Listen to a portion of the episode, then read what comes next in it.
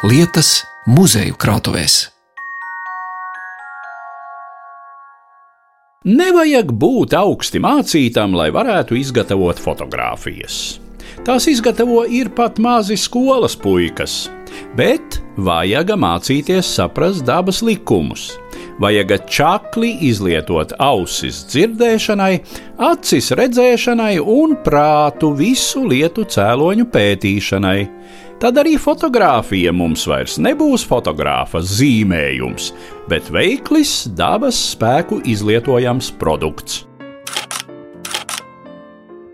Tā pagājušā gadsimta sākumā pirmajā žurnālā, kas latviešu valodā tika veltīts fotografijai, rakstīja viens no mūsu profesionālās fotomākslas pamatlicējiem Mārtiņš Butlers. Viņa atziņas un mācības par fotografēšanu mēs skatīsim Latvijas fotografijas muzejā. Tur arī aplūkosim greznus fonus no senajiem fotosaloniem, pētīsim leģendārā aparāta Minox rasējumus un iepazīsim unikālus Strenču fotodarbnīcas stikla plašu negatīvus.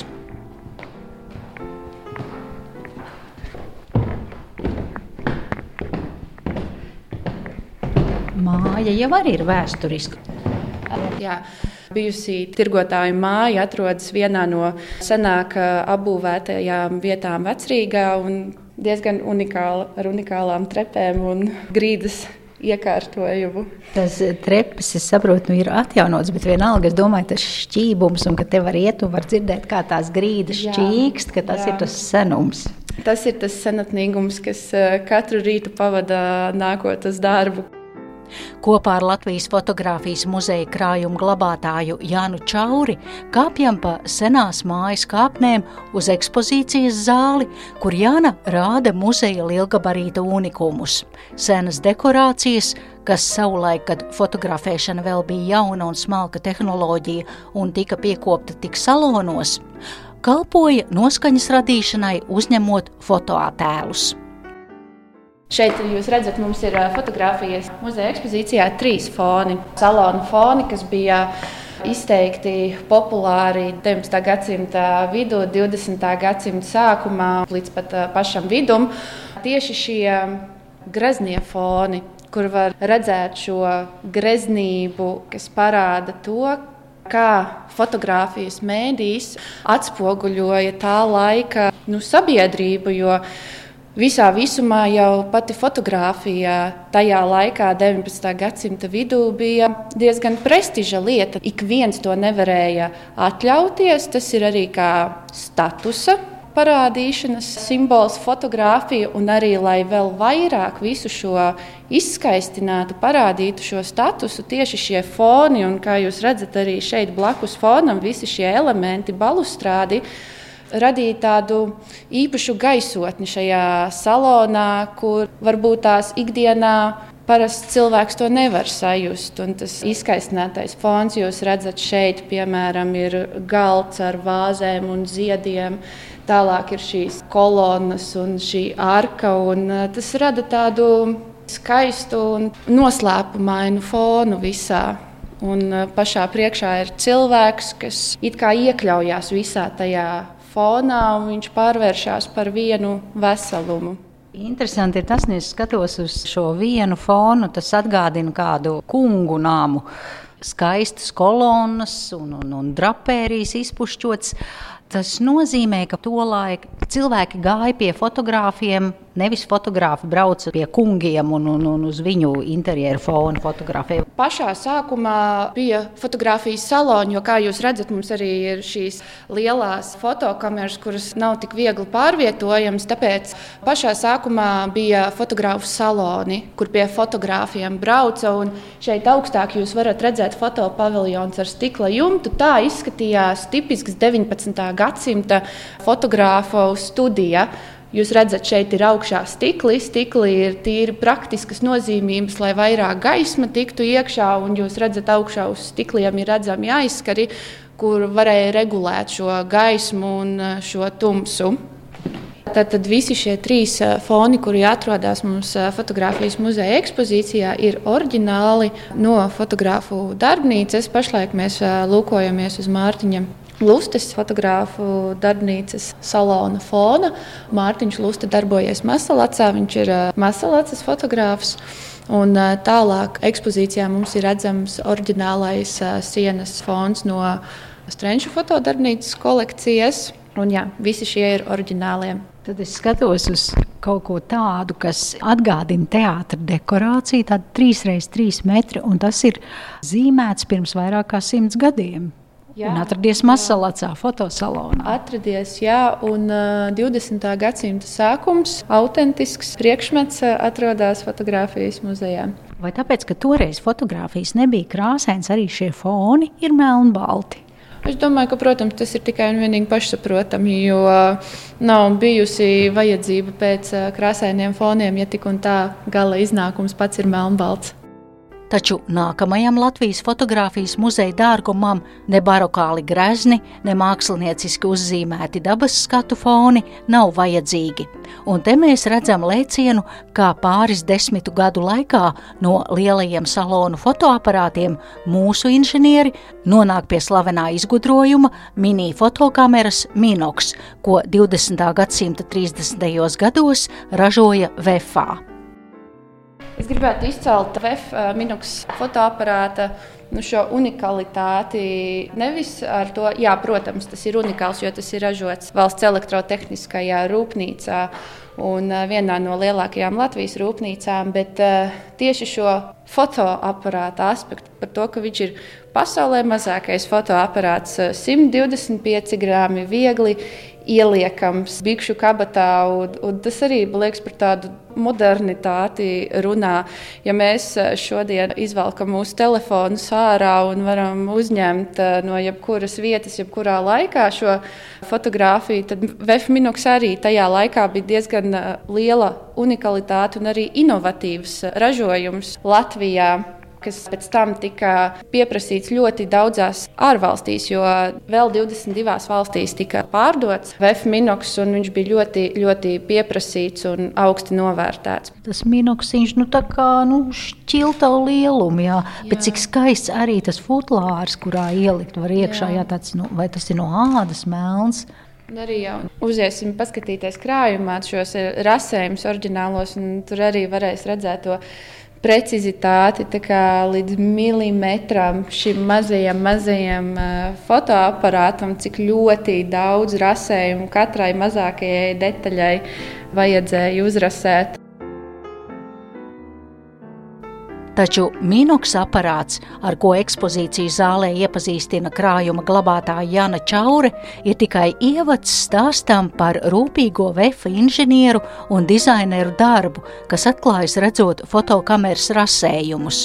Un te arī ieraugām, kā šādā nelielā priekšmetā iezīmējas nacionālā identitāte Latvijai ļoti sarežģītos laikos. Jā, jūs vedat mani iekšā krātuvē. Šeit no sākuma jums Jā, es, uz, tas man ļoti arī patīk šī procedūra. Tad uzreiz ir sajūta, es jūtos, ir... jā, ka es esmu nonākusi pie īstām vērtībām, jā. ka vienmēr krājuma glabātāji viņi uzvelk vainu auduma vai lateksa cimdus, lai arī ķertos klāt tām pērlēm, kas glabājas tā vai cita muzeja krātuvēs. Jā ja mēs uh, turpinam runāt par VF minoks un uh, šiem rasējumiem un pārējām detaļām, šeit mēs varam ieraudzīt, piemēram, šādi izskatās šie oriģinālie rasējumi. Jūs no aploksnes kuri... izcēlāt uz tādu plāna, nedaudz caurspīdīga papīra uzzīmēts rasējums, un es lasu. VF 110253, droši vien markas numurs, mm -hmm. rokturis, minoks caurlūkošanas lupai. Tas rasējums ir tik skaists un perfekts, ka var ielikt eh, rāmī un kā mākslas darbu pie sienas. Tieši tā, bet kas man tādu vislielāko interesi pāršķirstot šos rasējumus, jo arī nu, ne katru dienu sanāk pieķerties šiem oriģinālajiem Vefminoks rasējumiem, ir šis firmas plāksnīte VF Minox Made in Latvija, bet ja mēs paskatāmies uz datiem, tas ir 1941. gads. Un kā mēs zinām, sākoties Otrajam pasaules karam, padomju okupācija lika novīlēt nost Made in Latvija un iegrebt mēdīņu USSR, pēc tam nacistiskā Vācijas okupācijas vara lika novīlēt un uzrakstīt Made in Germany. Tad šis man likās ļoti interesanti un unikāli, ka vēl 41. gadā ir rasējums, kurā ir VF Minox Made in Latvija rasējums. Es pieņemu, ka varbūt tie vēl bija tie juku laiki. Sākās otrais pasaules karš, padomju armija atkāpās, un, kā zināms, sākumā mēs nacistisko Vāciju mēs uztvērām kā atbrīvotājus, un pašā, pašā sākumā šķita, ka nu, beidzot atkal Latvija būs brīva un neatkarīga. Protams, vilšanās Jā. nāca drīzi vien, bet es pieņemu, ka tas varbūt ir tas īsais starposms. Tas parāda to, ka šis stāsts, kad uh, ir noslīpēts un mēģina USSR, pēc tam mēģina Ģermanija, un tad ir šeit 41. gada rasējums, kur tomēr ir kāds drosmīgais paņēmis un uh, uzrasējis mēģina Latviju. Kā zināms, 1942. gadā Minoks ražošanu pārtrauca, jo rūpnīcas VF ražošanas iekārtas aizved uz Vāciju, un kopš 1948. gada fotoaparāts Minoks tika ražots tur tikai jau ar uzrakstu izgatavots Vācijā.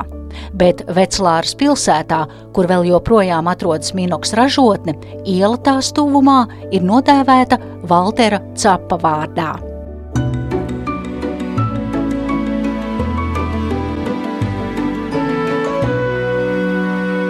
Vietu lietas. Turpinājumā kopā ar Jānu Čauri iepazīstam nākamo muzeja krājumu vērtību - pirmo preses izdevumu latviešu valodā, kas ir veltīts fotografijas arodam.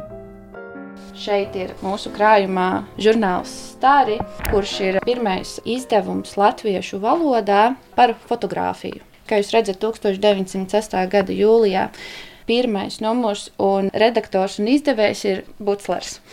Ļoti ievērojama persona tieši latviešu fotografijā.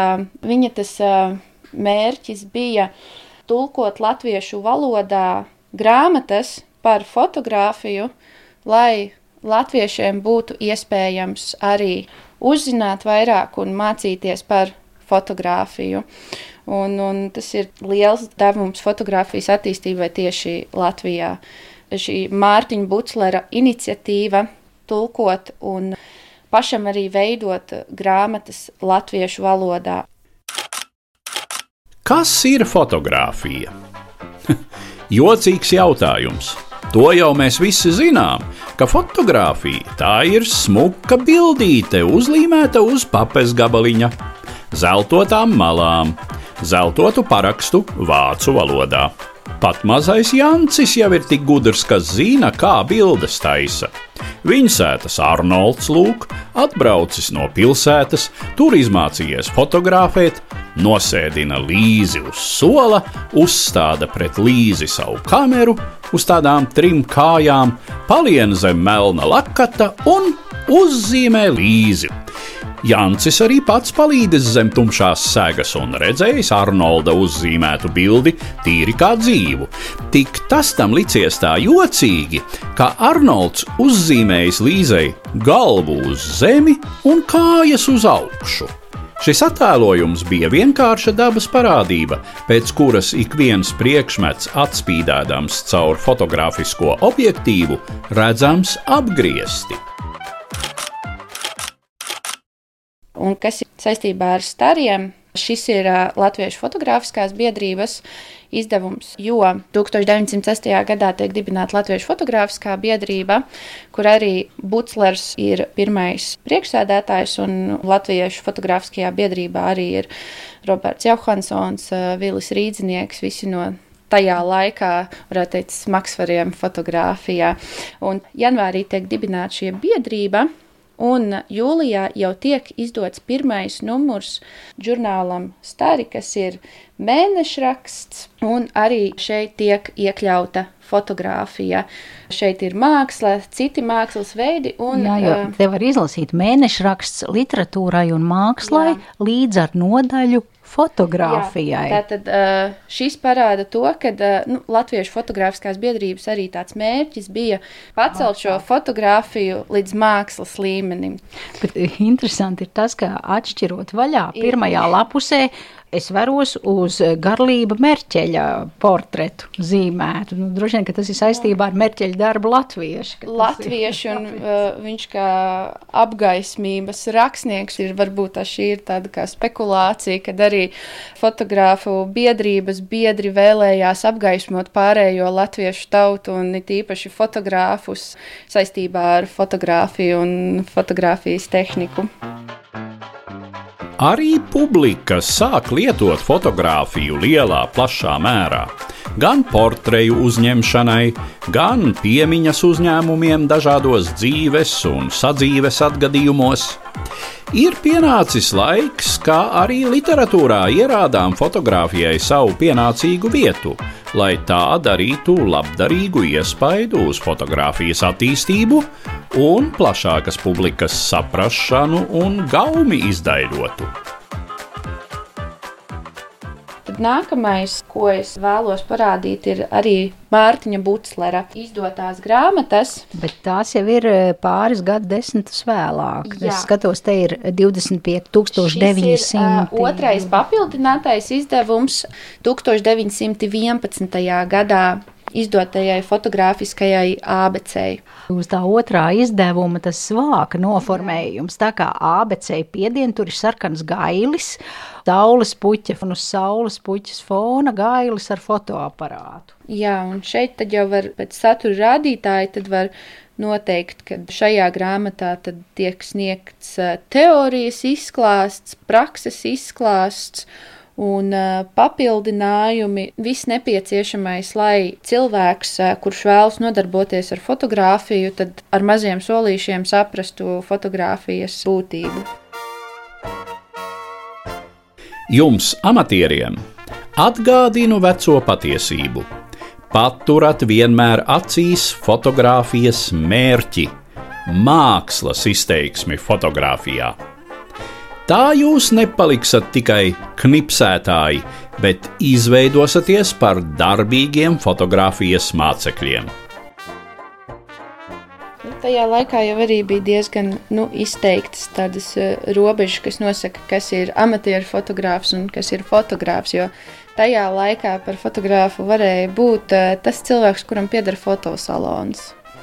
Pārējie, kuriem nepiederēja fotosalons, tie saucās par amatieru fotogrāfiem, neskatoties uz uh, to, cik uh, labi viņi fotografēja, vai arī ka viņiem ir uh, iegūta izglītība fotografijas jomā. Viņi tik un tā skaitījās par amatieru fotogrāfiem, jo viņiem nepiederēja šī fotodarbnīca un viņi ikdienā komerciālos nolūkos nenodarbojās ar fotografiju. Bilžu apgriešana ir neatliekams darbs pie bilžu apstrādāšanas pēc viņu skalošanas un izžāvēšanas. Bilžu apgriešanai ir vēl šāds nolūks - nogriezt no bildes malām visu lieko, lai bilde dabūtu gleznaināku izskatu. Iesācējam žēl bildē nogriezt maliņu, lai bildīte nepaliktu mazāka formāta. Bet galvenais jau tomēr nav formāts, bet bildes saturs ja dabas skatā debesis aizņem nesamērīgi lielu telpu.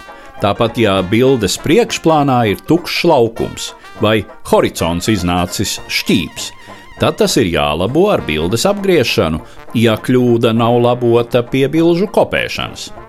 Plašs dabas skats atstās vēl plašāku iespaidu, ja tas ietilps šaurā formātā.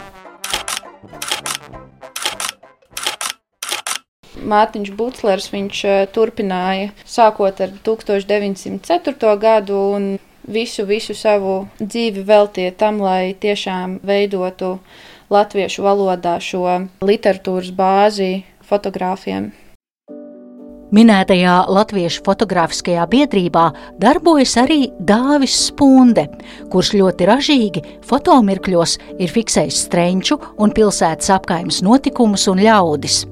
13,000 stikla plašu negatīvu ir nodoti glabāšanā fotografijas muzejā. Šeit mēs varam aiziet, paskatīties. Apmēram cik izskatās 13,000. Tad tas ir viss šeit. Šis viss plaukts, šis, šis, šis viss plaukts. Un tad vēl turpinājumā vēl ir Jāna, man ir jālūdz jums stāstījums, kas ir Strunča fotodarbnīca. Tātad Strunča fotodarbnīca ir fotogrāfa Dāvija Spundes lolojums, kurš ieradās Strunčos jau 1910. gadā. Sāka savu fotodarbnīcas būvniecību divos stāvos, arī ar šo stikla jumtu, lai šī dabiskā gaisma varētu labāk piekļūt un labākus fotoattēlus varētu uzņemt. Un, jā, ap 1914. un 15. gadu Jānis Ziemeļnieks arī bija kā māceklis Strunča fotodarbnīcā, pabija, bet pēc tam saprata, ka ir jābrauc uz Rīgu, arī tajā pat laikā pie Dāvijas pundes darbojās Jāņa Ziemeļnieka brālis Konrāds Krauklis, un pēc tam arī Dāvis Spunde 30. gadu beigās atstāja Konrādam Krauklim šo fotodarbnīcu, un kā Strunča fotodarbnīca stikla plaša negatīva kolekcija nonāca Latvijas fotografijas muzeja krājumā. 2004. gadā šo stikla plašu negatīvu kolekciju nodevā Konrāda Kraukļa meita Gunta Kraukla. Visu šo lielo bagātību tad uh, mēs sākām kategorizēt, aprakstīt, jo 13,000 stikla plats tas ir ļoti apjomīgs resurss, kur nepieciešams ilgs laiks, lai viņu vispār kategorizētu redzot tos gada skaļus, uzreiz ir jautājums, kā tādā apjomā tas viss ir saglabājies Otrā pasaules kara laikā un padomju gados. Jā, mums pārsvarā šeit atrodas stikla plates, kas ir līdz 40. gadiem, bet šie stikla plaši negatīvi tika atrastīti augšā bēniņos. Un um, ir tādi, protams, kur uh, šis laika zops viņus ir skāris, kur šī emulsija ir atdalījusies diezgan nopietni. Ir tādas, kuras ir stipri ieplaisājušas šīs stikla plates, bet tā pārsvarā stikla plats ir izturējuši laika zobus, un viņas ir labi saglabājušās. Tagad mūsu galvenais uzdevums kā muzejam ir turpināt viņus uzglabāt uh, nepieciešamajos apstākļos viņus un padarīt pieejamas publiski sabiedrībai. Visa tā kolekcija ir par sevi pati unikāla, un viņa visa kolekcija veido šo strenča unikalitāti, kurā ir gan personas portreti uzņemti, gan notikumi, gan kāzas, gan bērns, gan arī to, kā Strenča pilsēta pat attīstījās, ceļu būvniecība, tiltu būvniecība. Tās ir nu, nelieli tādi stikla kvadrātiņi, kur ir tā fotoattēla nospiedums. Piemēram, šeit ir piemēram LFM 744 43, slīpsvītra 389. Rakstīts ir eh, lasu. Strenču fotodarbnīca, grupas portrets fotosalonā, jaukta grupa, divas sievietes, trīs vīrieši nepilnā augumā. Pirmais no labās puses dzēnieks Jānis Ziemeļnieks, centrā fotogrāfs Dāvis Spunde. Fons gleznots ar upes krastu, pagājušā gadsimta 20. un 30. gadi. Jā. Un kā tad šis stikla plats negatīvs izskatās?